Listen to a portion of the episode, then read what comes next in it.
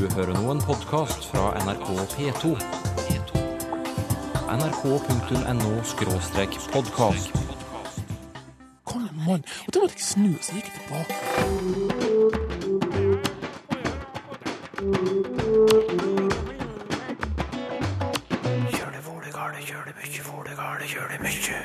Du skal oversette et engelsk dokument, men mangler norske ord. Ta ordet stunting, for eksempel. Det er et ord vi virkelig har forsøkt å finne et norsk ord for, men har ikke lykkes. Kan du da finne på et ord selv? Svaret er i utgangspunktet ja, hvis det trengs. Og et vellykket nyord er nettbrett. Nett og brett, de rimer jo. Og så er de korte. Så da kjente jeg at den der, den må vi prøve. Sparlagenstale, Sylfest Lomheim, det er et av ordene i lytterspalten vår på slutten av sendingen. Ordet sparlagen eksisterer. Hva betyr det? Det betyr rett og slett et forheng, sengeteppe. Oi, da er jeg spent på hva slags tale vi snakker om. Hva gjør du når du har bruk for et ord som ikke finnes på norsk? Språkteigen har fått e-post fra Unicef, der de støter på nettopp dette problemet av og til. Kommunikasjonsrådgiver Helene Sandbu Ryeng, i hvilke situasjoner er det dere mangler ord? Det er jo en del ganger hvor eh, vi får noe tilsendt på engelsk fra, fra moderorganisasjonen, og som skal kommuniseres her i Norge. Og da må vi jo oversette det fra engelsk til norsk. Og det er ikke alltid at vi da finner et godt ord på norsk. Ta ordet stunting, f.eks. Det er et ord vi virkelig har forsøkt å finne et norsk ord for, men har ikke lykkes. For en person som er stunted, er underutviklet fysisk og eller mentalt pga. feil og eller underernæring. Men dette blir jo veldig tungt å si hver eneste gang. Hva sier dere da? Nei, Vi må prøve å skrive om, eh, og prøve å forklare ordet istedenfor å, å si ordet, fordi vi har, ikke har noe ord. Har du et annet eksempel, kanskje? Ja, eh, du har f.eks. gender og sex. Eh, der er det jo differensiert på engelsk, mens eh, på norsk så har vi jo bare ett ord. Eh, Samme med policy og politics. Det er akkurat det samme. Der har vi også bare ett ord på norsk. Så har du noe som heter equity, som er noe vi bruker ganske mye på engelsk. Det handler om det er en tilnærming til, til f.eks. fattigdom, at vi da velger å hjelpe de som er mest marginalisert først. Eh, Men hva, hva vi kaller det på norsk, det fins ikke noe godt ord for det. Vi har prøvd med sosial rettferdighet, men det treffer liksom ikke helt eh, spikeren på hodet, altså. Mm. Men hvorfor kan ikke dere lage noen dekkende norske uttrykk selv, og, og begynne å bruke dem? Vi kan absolutt gjøre det. Eh, Men samtidig så er det en utfordring også med at hvis det kun er vi som bruker disse ordene, så skal det vel godt gjøres at de ordene blir godt nok kjent til at de får en mening for ganske mange. Så det vil være en utfordring med å lage ord selv. Og så er det kanskje vanskelig å vite hva slags Altså, kan man bare lage ord selv? Er det noen regler for å lage ord? Eh, Så det er litt av de utfordringene vi, vi står i, vi som er i en internasjonal organisasjon. Det hadde vært veldig fint. Vi hadde vært veldig takknemlige hvis dere hadde klart å hjelpe oss her, altså. Helene Sandbu Ryeng i Unicef ønsker seg ord som ennå ikke finnes på norsk. Marianne Aasgaard i Språkrådet, er det en kjent eh, problemstilling? Ja, altså, vi får ofte spørsmål om eh, hjelp til å oversette. Ja, hvem er det som eh, henvender seg til dere om slikt? Vet du hva, det er nesten alle. Eh, Det er departementer, offentlige etater, journalister, akademikere, privatpersoner, oversettere. Alt. Ja, Men når Helene og kollegene hennes i Unicef mangler norske ord, hva skal de gjøre?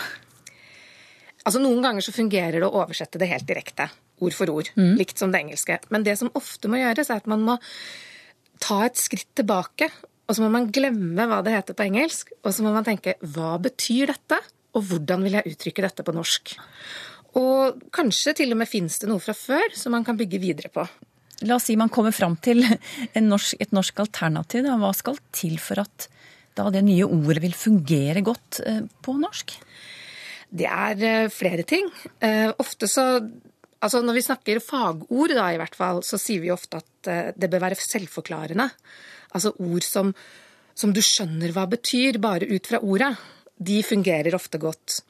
Men samtidig så er det også slik at ord helst bør være korte. fordi at når vi har valget mellom et kort og et langt ord, så velger vi nesten alltid det korte ordet. Så det er ikke alltid man får det helt til å kombinere selvforklarende og kort. Og da vinner kort. Mm. Har, du, har, du, noe eksempel her? For eksempel eh, et uh, ganske nytt ord, da, som, som uh, altså det engelske streaming. Ja. Har, har, hatt en oversettelse i norsk veldig lenge. Direkteavspilling. Og den er ganske selvforklarende. Men det er jo ingen som bruker den, for den er jo så lang. Mm. Og nå har det kommet en fornorsking nærmest av streaming, strømming. Og den ser ut til å kanskje Den har i hvert fall slått direkteavspilling. Ja. Og så gjenstår det egentlig å se om den slår streaming. Ja, men, men, men streaming og strømming lever nå godt side om side, i hvert fall. Og, og grunnen til at eh, strømming eh, vant over direkteavspilling? Det er fordi det er et kortere ord, og det er mye lettere å bruke i, i eh, språket. Altså, det er lettere å sette sammen, f.eks. Nå har vi jo strømmetjenester. Direkteavspillingstjenester blir fryktelig langt og tungt. Mm. Så, så, det er rett og slett språk, språkøkonomi. Andre krav da til et nytt ord for at det skal fungere godt? De bør Altså kreativitet kommer man veldig langt med. Og, det at ordet ligger godt i munnen, at det fungerer godt på norsk. altså Sånn som minnepinne og nettbrett. altså det er det er, liksom, det er bokstavrim, og det er, altså, det er morsomme ord å si. De mm. ligger godt i munnen. Og, og, du har også ord som lydplanke. Som, ja. som jeg faktisk ikke engang nesten husker hva er på engelsk lenger. Jeg tror det er soundbar. Altså disse dinsene du har med lyd under TV-en. Ja, jeg har en hjemme. Jeg vet ja. hva du mener. Og lydplanke er jo et veldig beskrivende ord. Ja. Er, man ser det liksom for seg. Ja. Så det her, er det sånne ting, Når du sier kreativitet, er det sånne ting du tenker på da, eller? For eksempel. Det må jo ikke være kjempeartig. Altså nettsky, for eksempel, er jo ikke et veldig morsomt ord, men det fungerer veldig godt. Mm. Andre kriterier, da? Eh, det bør også kunne brukes på norsk. altså Det må kunne bøyes. Det må kunne brukes i sammensetninger. Og så bør det være følge det bør følge norske språkregler, altså, for, altså ordmønstre, hvordan vi lager ord på norsk. Men hvis, men hvis eh, f.eks. et engelsk ord allerede er i bruk, hva skal til for at det norske alternativet fester seg? Ofte så må nok kanskje det norske alternativet faktisk være bedre enn det engelske. Hva legger du i det da? Eh, at det må, at det må fungere veldig Altså for eksempel For å gå tilbake til nettbrett, da. Mm. Så er nettbrett er et, på norsk i hvert fall et bedre ord enn tablet, som det heter på engelsk. Ja, det, ja, det er jeg enig i. og det fungerer bedre på norsk, og, og det er lettere å bruke for en nordmann. Men jeg tror ofte at når man har fått et fenomen som har kommet for å bli, så mm. tvinger det seg ofte litt fram at det kommer et norsk ord. Fordi at det er mer naturlig for oss å snakke norsk, og det er mer naturlig for oss å bruke norske ord. Og, og sånn som for eksempel det med, med, strømming. Når alle strømmetjenestene kom, når, når strømming ble stort, så var det naturlig for særlig journalister kanskje som skriver om det, å finne et norsk alternativ til streaming. For streaming blir litt rart. Altså, skal man si det, skal man uttale det streaming eller streaming. Altså, det, det er, det er fremmed i munnen. Du, dere i Språkrådet dere arbeider bl.a. med fagspråk. og Vil det si at dere kan lage den norske terminologien som Unicef eh, etterlyser i Språkteigen? Nei, vi kan hjelpe. Men vi er tre filologer og når man lager terminologi, så er det veldig viktig å kjenne det fagfeltet man lager terminologi til. Og det gjør ikke vi. Det gjør fagfolka. Mm. Og det er de som eier sitt eget fagspråk. Ja. Men vi kan sier ofte at uh, samarbeid mellom fagfolkene og språkfolkene, det gir ofte et godt resultat. Så når Helene Sandbu Ryeng i Unicef spør om det er greit å lage sine egne fagord, hva er svaret da? Svaret er i utgangspunktet ja, hvis det trengs. Eller man kan i hvert fall finne eksisterende ord som man kan bruke på en ny måte. Marianne Aasgaard i Språkrådet om hvordan vi kan tenke når vi lager nye ord. Og nå får du møte en som lyktes i nettopp det. Han laget et ord som vi faktisk har tatt i bruk, veldig mange av oss. Journalist Per Christian Bjørkeng i Aftenposten, hei. Hei, hei. Du skriver bl.a. om teknologi, og ordet nettbrett, det er det du som har skapt. Hvordan hadde det seg? Jo, det er egentlig ganske gøy å tenke tilbake på nå, for det er jo ikke så lenge siden dette her. Og det var jo da et helt um, ukjent objekt, egentlig, uh, som skulle få et navn. Og det var akkurat da uh, Steve Jobs skulle til å lansere uh, iPaden. Ja. Men jeg skrev da en sak som sto samme dag, og da visste jo ikke jeg at han skulle komme til å kalle den for en iPad. Så jeg var rett og slett tvunget til å finne på et ord, da. Uh, følte jeg selv. Fordi at det, var egentlig ikke noe vi hadde som uh, var dekkende. Det man hadde var sånn som tavle-PC.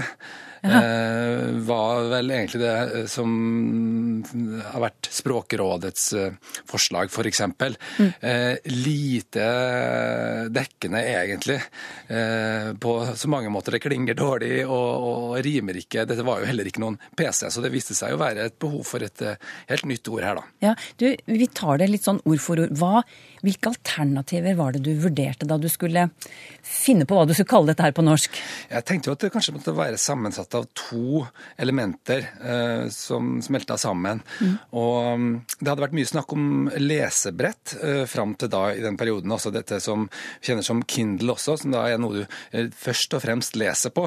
Mm. Dette oppfatta jeg som noe annet. Dette var noe som skulle ha nettilgang, og som skulle måtte være en slags multimediastasjon som var mye mer eh, fleksibel.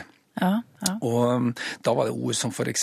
Um, skjermplate. Ja, skjerm pluss plate. Ja, ja, eh, det var jo kanskje ikke så verst, tenkte jeg. Så hadde vi kanskje, ja, prøve da med leseplate. Ja, det ble litt mye lesing.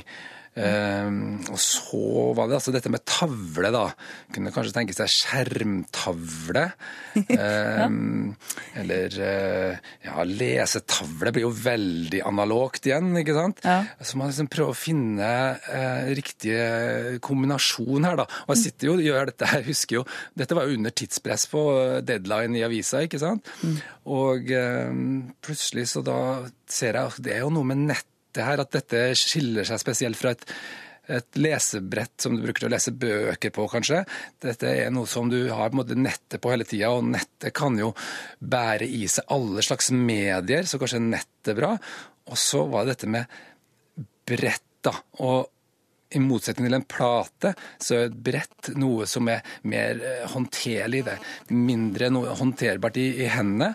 Eh, så det kunne kanskje passe ganske bra. Så merka jeg jo det at nett og brett, de rimer jo. Ja, det gjør de. og og de, klinger fint sammen. Og så er de korte. De er også faktisk Når det blir nettbrett, så blir det én stavelse kortere enn en, både nettplate og lesebrett. Mm. Uh, eller leseplate. Så to stavelser kortere faktisk enn leseplate. Så uh, da kjente jeg at den der, den må vi prøve. og da er det jo sånn at det er jo bare å prøve seg. Så i den første artikkelen, det var da den som sto på trykk samme dag som, som iPaden ble lansert, så lanserte jeg det, altså jeg til og med foreslo det, eh, tror jeg, til leserne, som sånn skal vi kalle dette for nettbrett, kanskje. Uh, og mm, det var litt morsomt at jeg gjorde det akkurat den dagen før, for jeg tror dagen etterpå så ville jeg bare kalt det for iPad. Ja. Det ble liksom ublikkelig etablert som at det var en iPad, ikke sant? Ja. men det har jo vist seg at det er nødvendig at, å kalle dette for noe mer. Dette er jo en større gruppe objekter enn bare iPaden og andre produsenter og, og sånt noe. Ja. Så det er veldig ålreit å ha et, et, navn som også ikke er et produktnavn. Ja. Og um, her er jo tablet Tablet. Tablet PC var jo egentlig det som ble brukt da. Mm. Tablet PC, som ikke er noe særlig bra. Og jeg var veldig eh, motvillig til å begynne å bruke tablet bare hvorfor, på norsk. Hvorfor det? Jo, fordi at eh, det, det, er ikke noe særlig å skulle eh, bruke et ord som ikke følger eh, eh norsk uttale. Og det, da blir jo en tablet, ikke sant? Ja. eller tablet Tablett. Eller sånn, ja, eh, det blir alltid noe skurr når du skal uh, bruke en engelsk uttale eh, i et norsk ord. Da. Mm. Så mm, jeg likte ikke det noe særlig. Og det er et gjennomgående problem. da. Eh, Og jeg tenker at i de tilfellene der eh, det er engelske ord som lar seg uttale godt på norsk, mm. så er problemet mye mindre, for da kan vi rett og slett ta i bruk gjerne det engelske ordet. Mens det er masse tilfeller der det er mye mm, spesielt eh, engelskklingende vokaler sånn som, som skaper problemer, da. Eh, kan ta et eksempel nå, for eksempel, som eh, kommer til å slite med wearables. Ja. Eh, som da en slags elektronikk som du kler på kroppen, og som vi ikke har noe godt norsk ord for, og som jeg heller ikke har prøvd meg på foreløpig, men som vi absolutt bør prøve å finne på noe på som kan være litt mer dekkende. Det er jo helt Ja. umulig å si på norsk. Hva, hva kan være en wearable, bare sånn at vi skjønner hva det kan være for noe? Ja, det er f.eks. sånne smartklokker, Ja. eller Jeg ser for meg også at f.eks. et eh, hodetelefoner som er uten noen ledninger, som du bare kan ha ting som du kan liksom henge på kroppen uten klær. Kle på deg, Ja, nesten. kle på deg elektronikk, Ja. ikke sant? Jeg ser det har vært diskutert på sosiale medier hva det skal hete. Eh, Nå husker jeg ikke om det var noen gode forslag der, men det, folk driver og spekulerer på det i hvert fall. Det gjør de. Men, men tilbake til eh, nettbrett, altså ordet ditt. Hvordan syns du det har klart seg? Det har klart seg veldig godt. Og det ble etablert bare i løpet av ett år. Så var det jo på en måte på eh, noe alle visste hva var. Og det var egentlig veldig gøy, og det er veldig sjelden. fordi at eh, det er jo sjelden at nye begreper kommer inn med en sånn enorm kraft som eh, nettbrettet eller iPaden da, gjorde. Eh, det gikk jo enormt fort. Det var en masse masse skriverier om det, og det ble bare etablert i vår kollektive bevissthet veldig raskt. Og det er jo selvfølgelig ikke fordi at det var min idé. Det er jo fordi at ordet både var dekkende, men det var også et svar på eh, disse kravene til nye ord. da, eh, Som eh, klang, at det skal være kort og at det skal være dekkende, som, som dere hadde vært inne på tidligere. Og når eh, kommer du til å lansere et norsk ord for wearables? Nei, jeg er klar for eh, når som helst å komme opp med det. Kanskje jeg skal, kanskje jeg skal prøve med det med, eh, i, i neste artikkel. Ja, kanskje Aftenposten-journalist Per Christian Bjørkeng klarer å lage enda et vellykket nyord. Nettbrett har i hvert fall eh, slått an.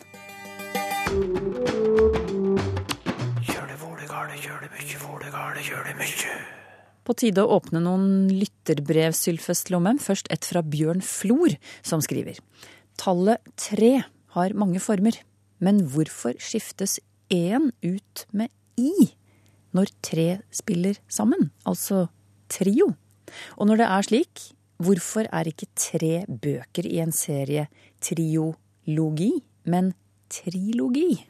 Ja, når det gjelder tallet tre og lyden e eller i, så er jo det korte svaret at det veksler fra språk til språk. Vi sier jo tre på norsk. På engelsk heter det fri. Det er med i-lyd. På italiensk så er det òg trio med i, altså.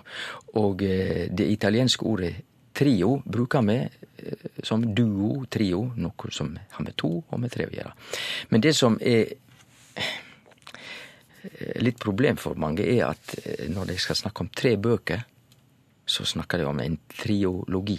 Det er feil. For da Logi er gresk, og da skal vi bruke forstavinga tri, ikke trilogi. Den greske forstavinga er tri og ikke trio. Trio, det er italiensk. Men eh, du all verden, jeg så det nylig på forsida av ei større avis. Der sto det gjennom tre bøker, triologi. Feil. Det heter trilogi, men en trio. Åse Skreiner skriver Hvorfor har journalister i NRK de siste årene begynt å si trafikale problemer i stedet for trafikkproblemer? Åse Skreiner synes det virker både tilgjort og jålete. Jeg er fullstendig samt. og hvorfor journalistene har begynt med det, da er jo mitt litt tøffe svar at da har de for dårlig språksans. Det heter trafikkproblem i norsk, ikke trafikale problem.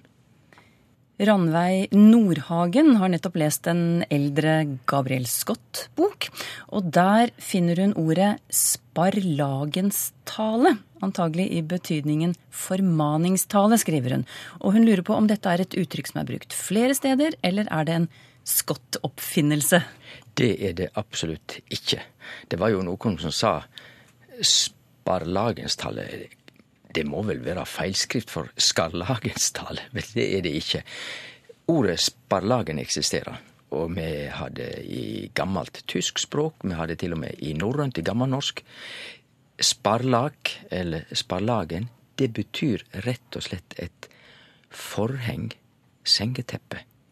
Og det betyr igjen at sparlagenstalen er i utgangspunktet en, en formaningstale, kanskje mellom ektefolk eller par. Hun tar han med seg bakom og sier noen alvorsord bakom eh, sengeforhenget. Så vi kan kalle det en slags eh, eh formaningstale bak sengeforhenget. Ranveig Nordhagen nevner også et annet ord fra samme bok. Stoddere. Det er nytt for meg, skriver hun. Ja, det er et sjeldent ord, men det betyr en stakkar eller en eh, landstryker eller noe slikt. Det fins både i gammelt norsk språk og òg i eh, dansk-tysk. Trond Realf Jensen hører av og til i nyhetssendingene at ambassadører blir kalt inn på teppet. Og så sier han jeg har hittil tenkt at dette er et folkelig og litt morsomt uttrykk for å få refs, men kan det være at å kalle inn på teppet rett og slett er et faguttrykk innenfor diplomatiet? Ja, det kan det jo være, men eh, å kalle inn på teppet er nok videre enn som så. Det passer absolutt i diplomatiet, men det passer òg i andre sammenhenger der det er teppe på gulvet framfor et skrivebord, og der det sitter en person bakom det skrivebordet som har makt og mynde, og den personen han kaller inn på teppet, den personen er underordna. Så det kan jo være både konge, det kan være en ambassadør, det kan være en rektor på et universitet, eller hva som helst. For forklaringen er rett og slett vi ser for oss teppet på gulvet, og dette er ikke hverdagssituasjon. Eh, det hører med. Det er altså knytt til makt og, og eh, en bestemt posisjon på den som sitter bakom skrivepulten. Birgit Foss eh, skriver til oss at hun ser og hører mediene bruke uttrykket i tolvte time, når de egentlig mener at noe er i siste liten. Og dette sier hun er feil. Det egentlige uttrykket er i ellevte time, som betyr å være nesten for sen, men likevel tidsnok. Din kommentar, Sylfes Lomheim? Birgit Foss har jo rett. Men eh, det er òg slik at eh, når vi i våre dager hører at folk kommer i tolvte timen, eller at noe skjer i den tolvte timen, så forstår jo alle at da er det i siste liten. Så uttrykket fungerer jo bra i språkbruken. Men som sagt, historisk sett så var det den ellevte timen. Dette er i Bibelen, hos Matteus, i ei såkalla likning, der Jesus snakker om arbeidere som kom i, på, en, på vinmarkene og jobba. Og de som kom i den ellevte timen, de fikk like god lønn som de som hadde vært med ifra første timen av. Og de som kom i den ellevte, hadde da bare én times jobb, mens de andre hadde jobba i, tolv. Og dette syns jo læresveinen var veldig urettferdig, men eh, sånn var det. Hva er forskjellen på vesen og verk, spør Vigleik Haga. Han har noen eksempler her. Elektrisitetsverk og elektrisitetsvesen. Televerket og telegrafvesenet. Jernbaneverket og Vegvesenet osv. Vi hører jo at eh, vi bruker disse orda om samme fenomen. Det er ikke tvil om, men spørsmålet er om det skilner i egentlig mening. Og det er det. For det som vi omtaler som verk, det er konkret, det går i retning av maskiner, teknologi, det som fungerer. Medan når vi bruker vesen, så er det mer abstrakt. Det er slekt med tysk vesen. Altså det som eksisterer, noe som er til. Erik Selmer spør oss om ordet teken, som i f.eks. Da får ikke jeg helt teken. Teken er et ord han kan huske han brukte mye i barne- og ungdomstiden sin, men hva er opprinnelsen, spør han. Opprinnelsen er rett og slett teknikk. Jeg har ikke teknikk eller ja. Og dette er sleng.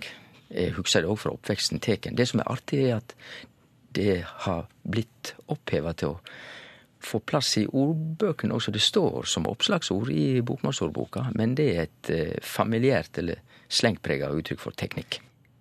Rune Karstensen har en andreklassing hjemme som synger i 'Kjerringa med staven', og så er det noe i teksten her som er litt vanskelig.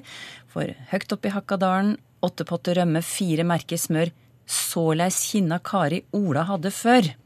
Hva menes med strofen 'såleis kinna Kari Ola hadde før', spør Rune Karstensen.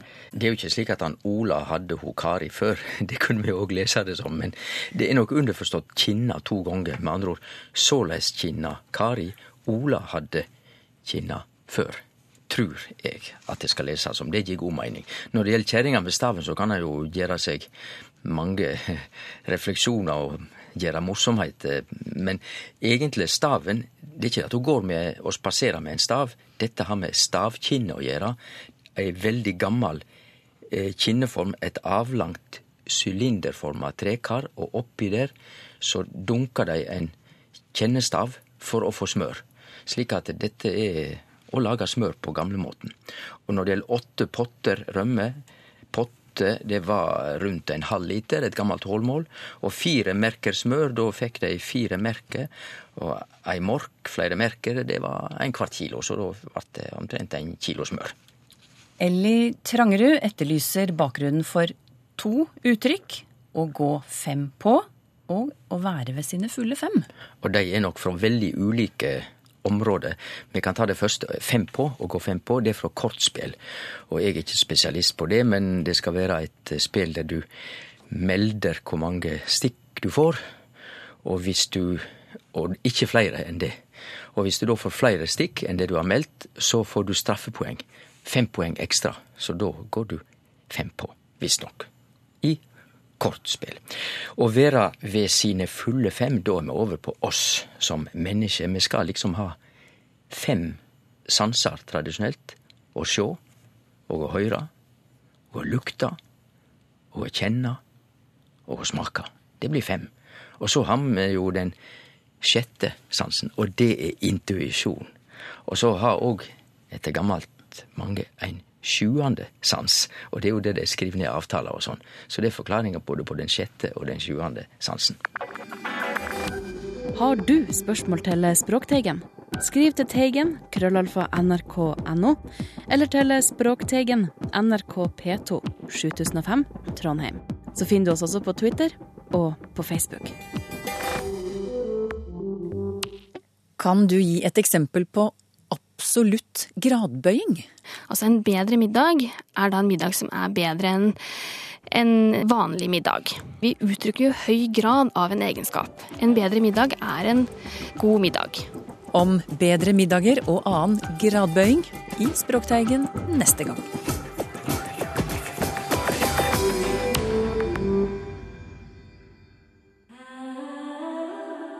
nrk.no podkast.